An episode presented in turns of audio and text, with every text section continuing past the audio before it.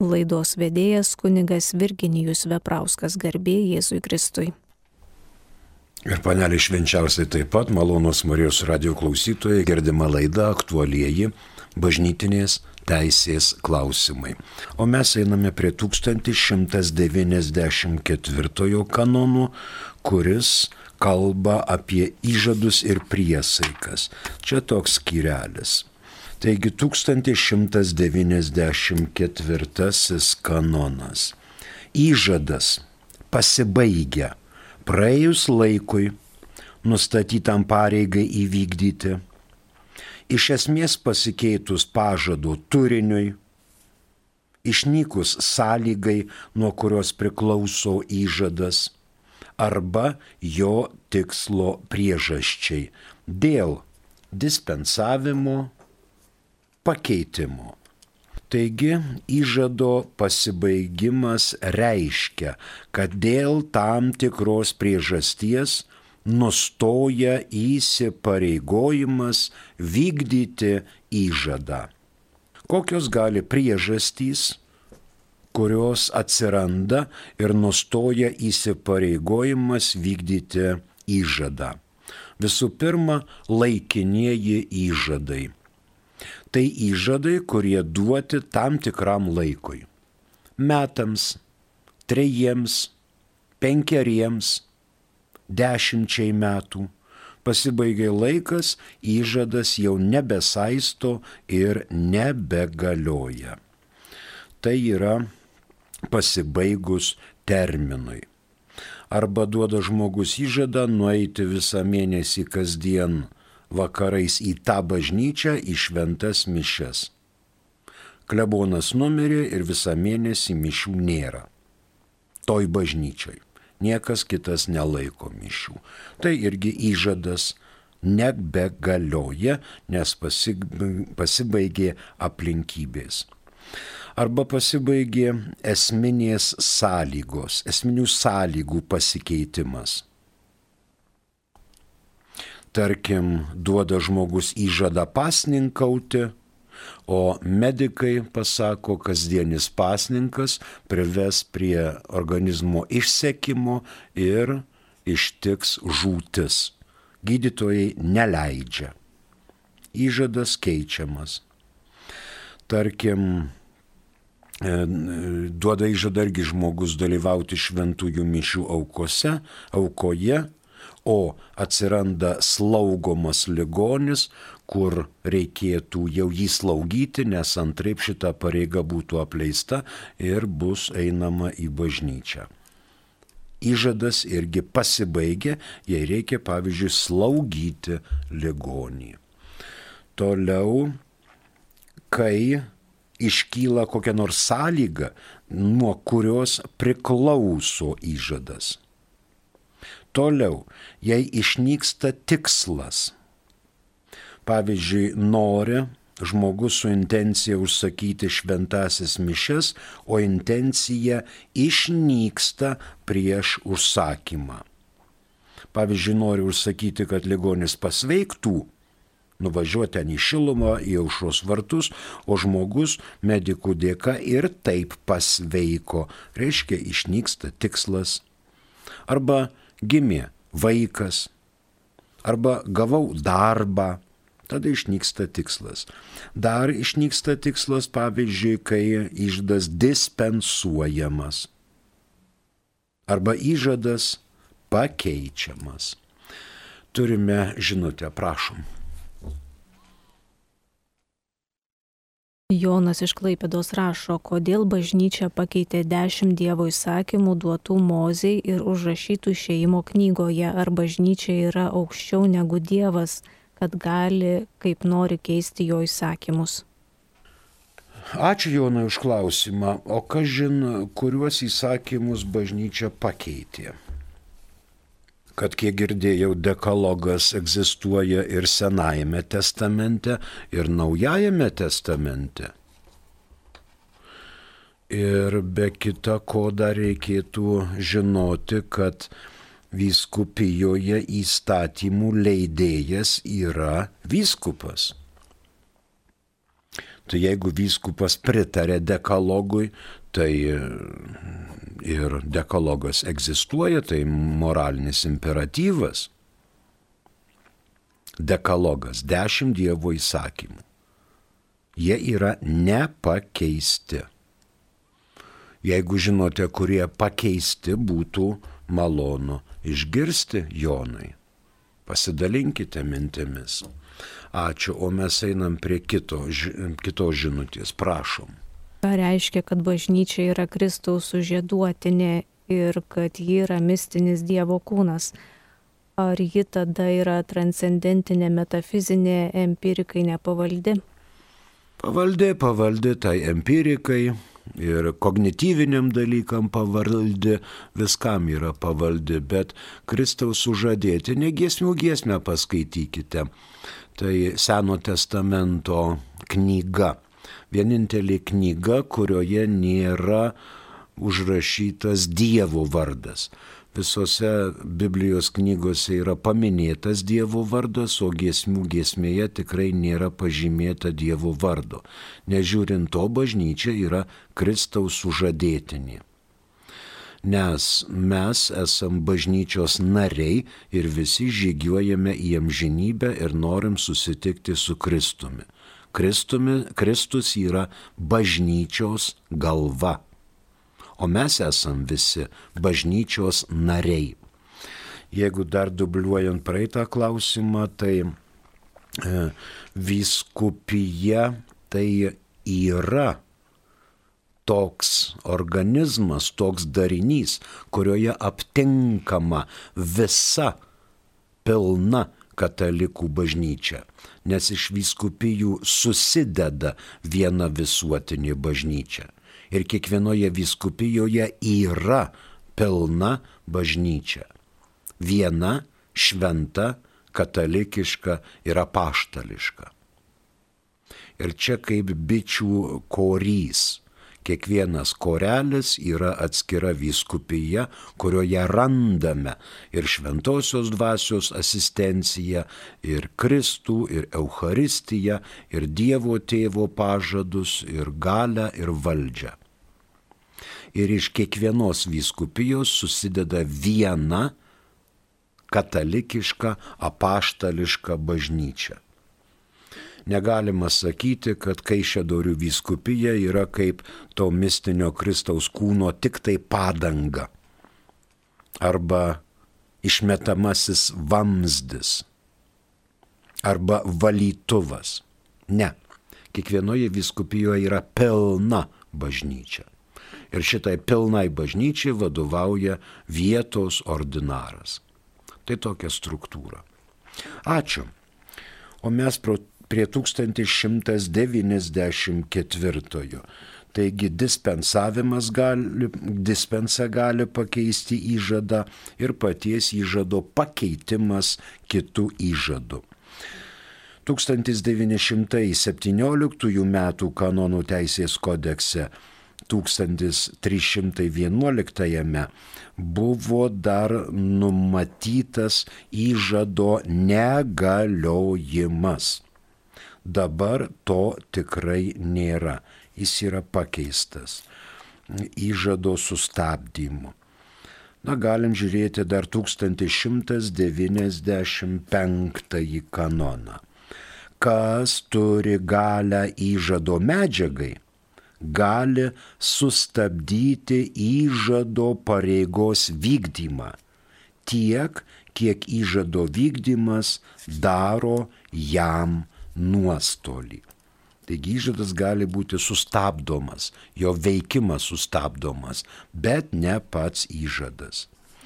Dar galime žiūrėti 1193. Pagal savo prigimtį įžadas saisto tik jį padariusi jį. Pavyzdžiui, pasaulietis žmogus duoda įžadą skaityti brevijorių. Skaityti brevijorių. Jam šitas įžadas ir galioja. Tačiau jeigu jis įstoja į seminariją ir tampa diakonu arba kunigu, tai jau po šventimų jis turi mm, į neįžadą skaityti brevijorių, melstis brevijoriaus malda, bet jau turi pareigą. Dėl to šitas įžadas išnyksta. Jau atsiranda ne įžadas, ne įžadas saisto, bet saisto pareiga skaityti brevijorių. Rytų kanonuose 1194 atitikmuo yra 891. 1194 fiksuojam. Įžadas pasibaigia praėjus laikui nustatytam pareigai įvykdyti, iš esmės pasikeitus pažadų turiniui, išnykus sąlygai, nuo kurios priklauso įžadas, arba jo tikslo priežasčiai. Dėl dispensavimų, pakeitimų. Kitas, dabar dar turime žinutę, prašom. Rasa parašė. Mm. Garbėzui Kristui. Girdėjau, kad įžadus turi kažkas priimti. Čia gal tik pažadai, kuriuos per lengvai dalinam ir nevykdom. Taip, taip, taip, įžadus. Matot, čia mes kalbam bendrai apie įžadus, ne apie norą, pageidavimą, svajas, galvos susisukimą. Mm, čia daugiausiai mes turbūt galvojame apie įžadą, kuris yra vienuolinis įžadas. Nebūna taip, kad atėjo mergaitė, arba berniukas į vienuolyną ir po savaitės tu gali jau duoti įžadus. Tikrai ne. Tai yra kandidatūra, postulatas, novicijatas, laikinieji įžadai ir tik tai leidžia arba neleidžia vienuolynas asmeniui duoti pradžiai laikinus įžadus. Kai kur įžadai atnaujinami kas metai. Kas metai atnaujinami, kol ten kokie devyni metai, kas, kas met atnaujinami įžadai, kol galima duoti jau amžinuosius įžadus, kai žmogus suvokia, kuris eina ir kai institutas patvirtina jo ryštą ir patvirtina, kad tikriausiai pašaukimas yra ir žmogui leidžiama duoti įžadus leidžia. Kai leidžia duoti įžadų žmogui, aišku, yra procedūra. Šventosios mišios, abitas, tas, kas priima įžadą. Ir ne taip, kad kaip noriu, taip sakau, aš čia pasižadu. Ne, yra tekstas, su kuriuo supažindinama. Ar ištesėsi, Yra bendruomenė, kurie palaiko tokių įžadų davėją, duoda sąlygas, suteikia sąlygas, kad toks įžadas būtų galimas išlaikyti ir taip toliau. Čia nėra taip paprasta. Čia nėra taip paprasta. Ačiū Ras. Dar turbūt kokį klausimą turime. Prašom. Rita klausė. Ar vasario 16 kovo 11 katalikų yra privaloma dalyvauti šventosiuose mišiuose? Tikrai ne. Privalumo nėra dalyvauti vasario 16 arba kovo 11, jei tai nėra paskelbta šventė, o kol kas joks vyskupas nepaskelbė privalomą šventę šių datų. Privalomos šventės yra tikrai sekmadienis, kada mes švenčiame viešpaties dieną. Tai tada ateiti į bažnyčią yra privalu. Nors daugeliu atveju šito iš jūsų tikėtis yra nerealu. Nunyko sekmadienio šventimas. Kaip girdėjau čia apie tą dekalogą. Trečias Dievo įsakymas kelbė - sekmadienį švesk. Anksčiau tai buvo žinoma e, užlaikyk šabą šabas. Šabas tai nėra šeštadienis. Šabas tai ir būtent yra sekmadienis. Mes jį švenčiam dėl to, kad mūsų viešpats Jėzus Kristus prisikėlė iš numirusių sekmadienį. Daryti skirtumą nuo šeštadienio, kurį gerbė Mozės išpažinėjai, krikščionys pradėjo švęsti sekmadienį, nes Jėzus yra visko viešpats. Ir laiko, ir erdvės, ir mistinio kūno, ir visų dalių, ir duslerkės, ir valytuvų. Taip, kad mes švenčiam sekmadienį. Bet jeigu vasario 16 labai brangi diena kiekvieno lietuvio širdžiai yra jums šventė, tai mes ir einame į bažnyčią ir švenčiame vasario 16, dainuojam partizaniškas dainas, Lietuvos himną, gėdam giesmės, sutartinės, liaudies dainas, džiaugiamės, kad 1918 metais vasario 16 buvo atkurtas Lietuvos valstybingumas. Po visokių žečpospolitų, po Napoleono, po Krakosmečio, po sukilimo, po spaudos draudimo, 40 metų spaudą draudė lietuviai, lietuviams buvo tik kirilica, o dabar jau atgavom 18 valstybingumą, ir kovo 11 nepriklausomybę, nepriklausomybės atstatymas. Kiekvieno lietuvio širdžiai yra tai brangios dienos ir mes ateinam į bažnyčią garbinti Dievą ir džiaugtis nepriklausomybę. Kiekvienas lietuvis eina į bažnyčią arba kitos maldos namus, kuriems jisai priklauso ir džiaugiasi Lietuvos valstybės laisvė ir šviesa. Ačiū. Dar turim kažką, prašom. Garbėzui Kristui.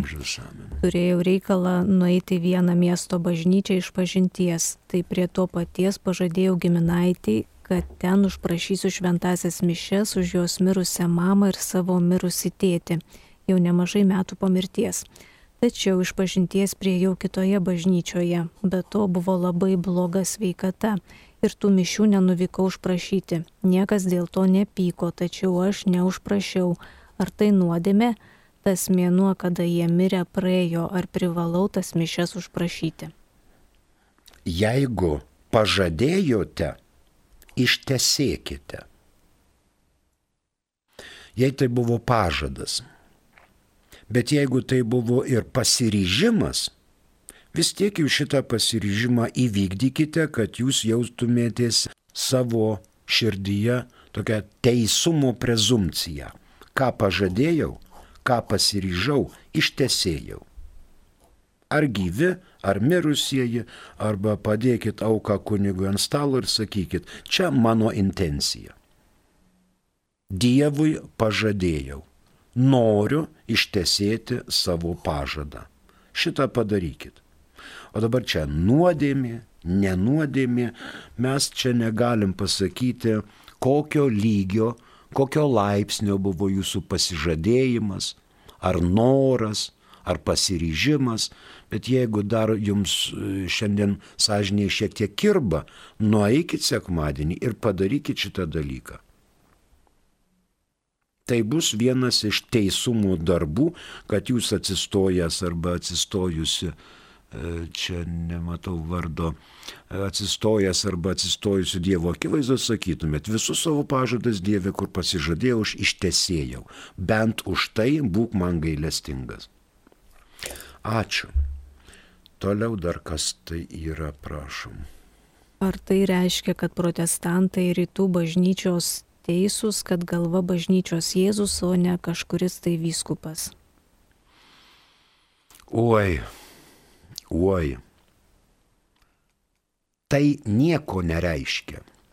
Katalikų bažnyčia tvirtina, kad katalikų bažnyčios galva yra Jėzus Kristus.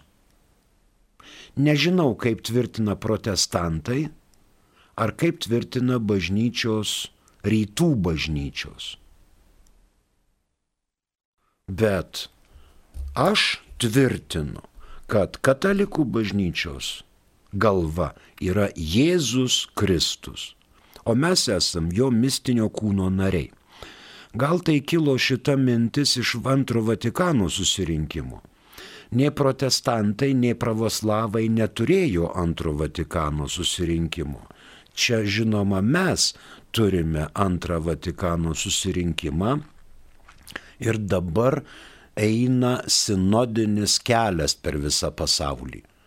Todėl į sinodinio kelio aptarimus katalikų bažnyčia kviečia visus ateiti ir pasisakyti. Ateikit ir pasisakykit. Ateit gali į katalikų bažnyčią į sinodinio kelio aptarimus. Tikintys, netikintys, gnostikai, agnostikai, pravoslavai, protestantai, reformatai, metodistai, ateistai, bet kas, ateikit ir pasakykit, ką jūs mastot apie katalikų bažnyčią. Nes dabar irgi ateina laiškai ir ateina nuomonės, kad reikia pabaigti su tai cirkais, reikia celibatą nuimti, reikia įteisinti moterų kunigystę, reikia įteisinti vienos lyties santuokas ir taip toliau. Visokių dalykų ateina. Ir žinoma, dar daugiau dalykų ateis. Ir katalikų bažnyčia yra atvira išklausyti jūsų nuomonės.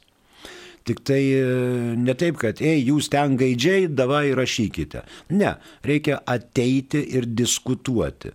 Nes bet kokia kritika yra tyčiojimasis. O jeigu kritika yra argumentuota, tai jūs turėtumėt pasakyti, štai dėl to ir dėl to reikėtų daryti pas jūs pas katalikus tą ir tą arba šitą ir aną. Mes laukiame. Ateikit ir sakykit, jau trys temos išnagrinėtos. Dabar ateina laikas jau ketvirtajai temai. Atsidarykit e, tinklaraštį katalikai LT ir ten yra visos temos, ten labai jaunimas, reiškia, a, užsiminėja šitos informacijos sklaida ir labai norėtų ir popiežius Pranciškus girdėti ne ką pasaulis, bet ką net ir Lietuva šneka tuo klausimu. Ateikit, tai yra atvirumo valandėlė. Mes jūsų parapijose laukiame. Ačiū, dar kažkas yra, prašom. Garbėzui Kristui. Geraudžiuose kaip reaguoti socialinėme tinkle kunigo reiškiamą smerkimą ir linkėjimą kankinančios lygos tiems, kurie turi pagristų abejonių skiepams nuo COVID. -o. Gal reikėtų kreiptis į jo ordinarą? Gal? Gal? Gal reikėtų kreiptis į jo ordinarą, nes kaip eminencija Sigita sakė, šiais laikais labai lengva nusišnekėti Labai lengva nusišnekėti. Dabar skiepai, COVID visais amžiais, visais laikais buvo marai, karai, lygos, užkrečiamieji ir taip toliau. Pas, prisimenate Evangelijos pasakojimą, kai Jėzusėlis ėmė ir išgydė ten tuos raupsuotuosius. Visi kaifavo, pasišokinėdami dingo pas savo žmonas, į savo kaimus, pas savo vaikus, džiaugiasi, kad švarus. Ir vienas samarietis grįžo ir padėkojo. Samarietis taigi žinoma ne žmogus.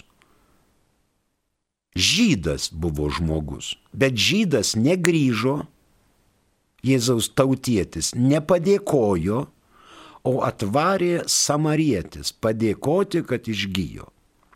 Samariečiai tai iš vis šiukšlės ir taip toliau.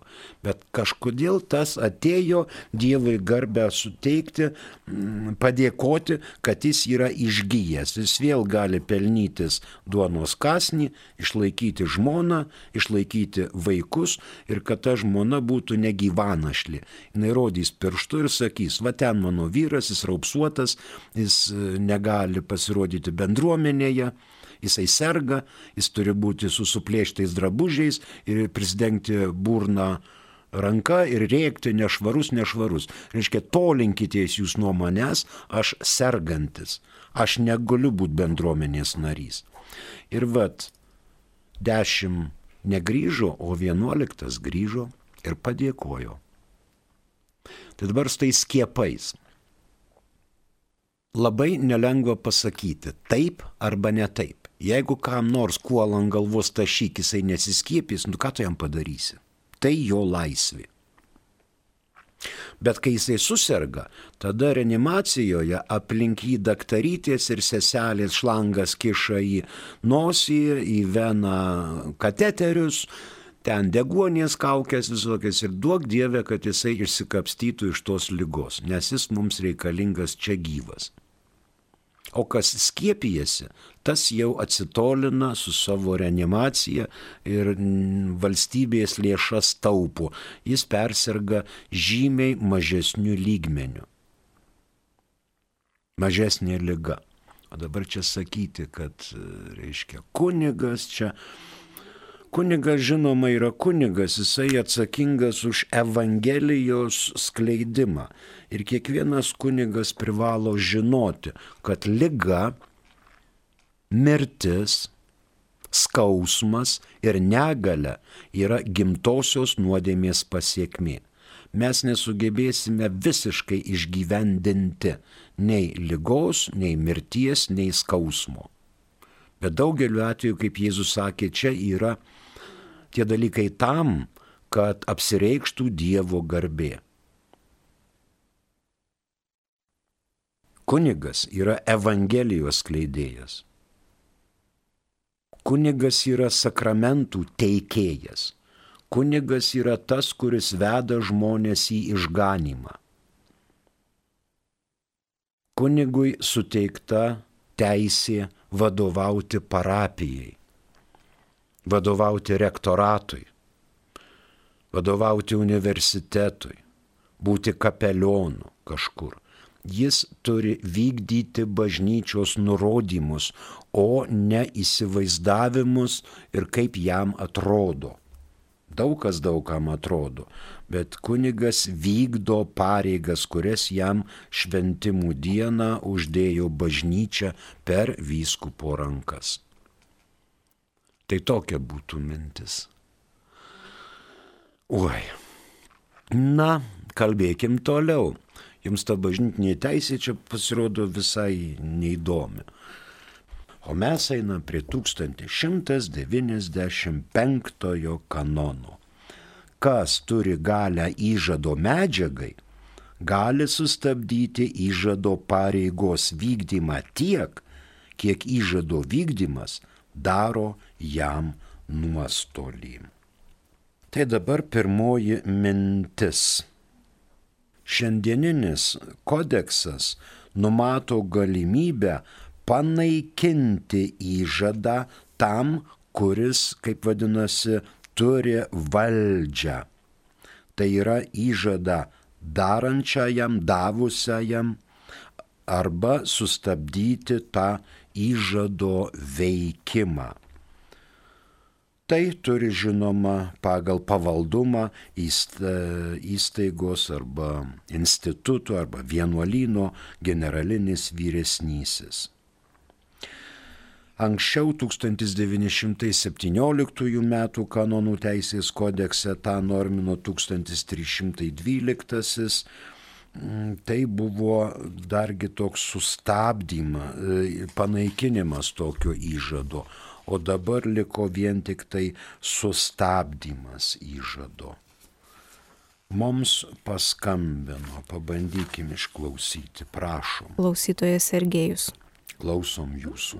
Labas vakaras. Labas. Pasitengsiu trumpai. Miela. E, pirmas klausimas dėl krikšto.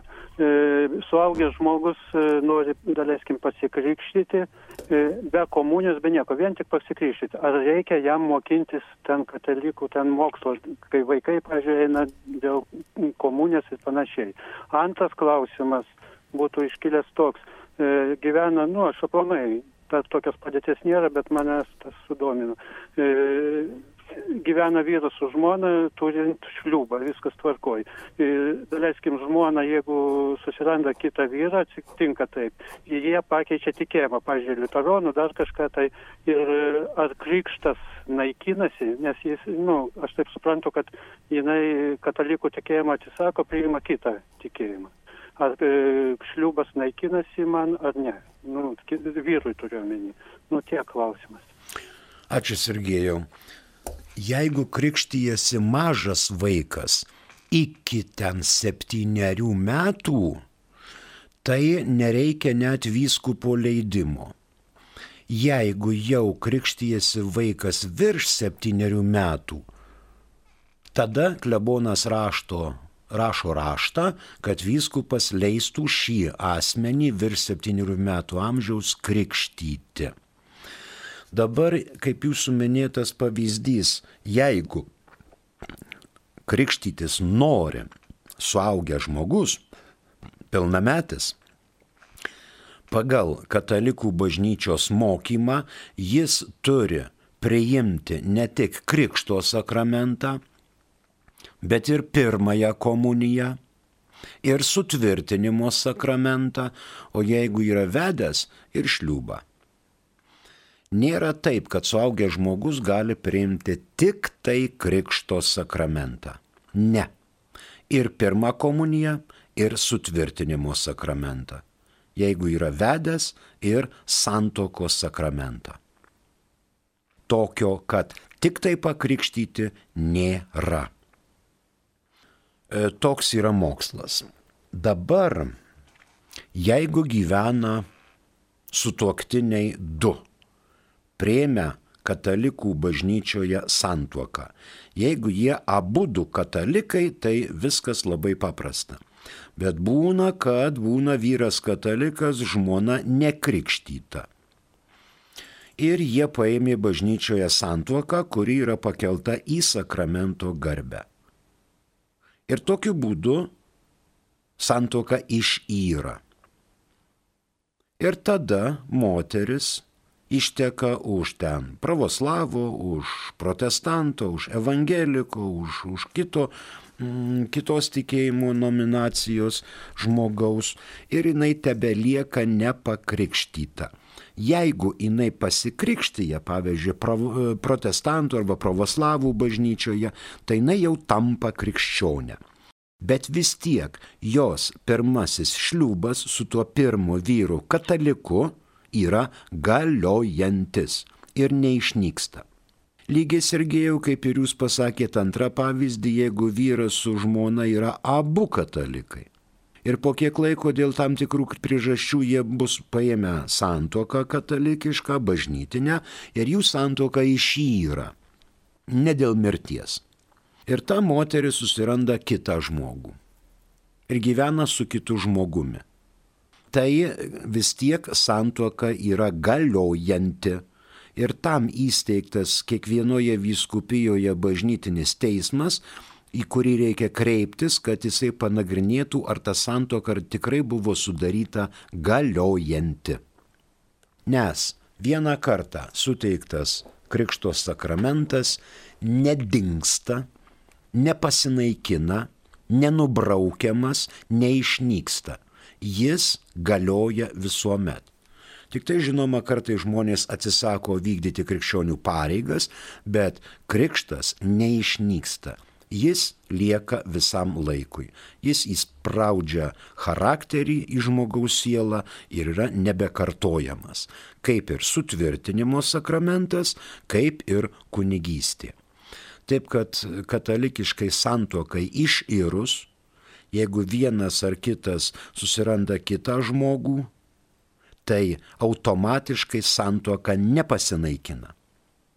Net jeigu šeimoje buvo vienas iš sutuoktinių nekrikštytas katalikų bažnyčioj, nei pravoslavų bažnyčioj, nei protestantų bažnyčioj nekrikštytas, tai tada jisai turi ateityje galimybę pasikrikštyti. Na ir kas, kad pasikrikštys, vis tiek tas, ta pirminė santuoka galioja. O krikšto sakramentą pripažįsta ir katalikai, ir pravoslavai, ir evangelikai, ir literonai, ir reformatai, ir visi, kurie, pri, reiškia, pripažįsta krikštą. Visi krikštą pripažįsta ir krikšto nekartoja. Dar viena turbūt mūsų mąstymo klaida kad jeigu kas nors susipažino katalikė moteris ir pravoslavas vyras, sako, aš šliubo neimsiu, nes mane verčia į katalikų tikėjimą atsiversti, pakeisti tikėjimą. Aš tikėjimo nekeisiu. Katalikai nereikalauja ir neverčia nei pravoslavų, nei evangelikų, nei liuteronų, nei reformatų keisti tikėjimo keisti tikėjimo tikrai nereikalaujama, bet duodama santoka, kai viena šalis yra katalikiška, kita šalis yra nekatalikiška. Tik tai žinoma atlikus tam tikras sąlygas. Pasižadama, kad tai bu, ne, nebus daug patystė, kad tai vienas vyras, viena moteris ir taip toliau. Ačiū Jums iš klausimus. Mūsų laikas išseko. Jeigu kartais kilo kokių minčių, tai kitą ketvirtadienį tikrai stengsimės atsakyti. O jūs nesidrovėkit, imkite ir užverskite klausimais, bandysim aiškintis. Ne visuomet žinau, ar jums suprantamai atsakau į klausimus. Jeigu nesuprantamai atsakiau į klausimus, klauskit dar kartą. Ir klauskit, kad suprasčiau ir galėčiau atsakyti. Prie mikrofono dirbo kunigas Virginijus Veprauskas. Ačiū ir sudie.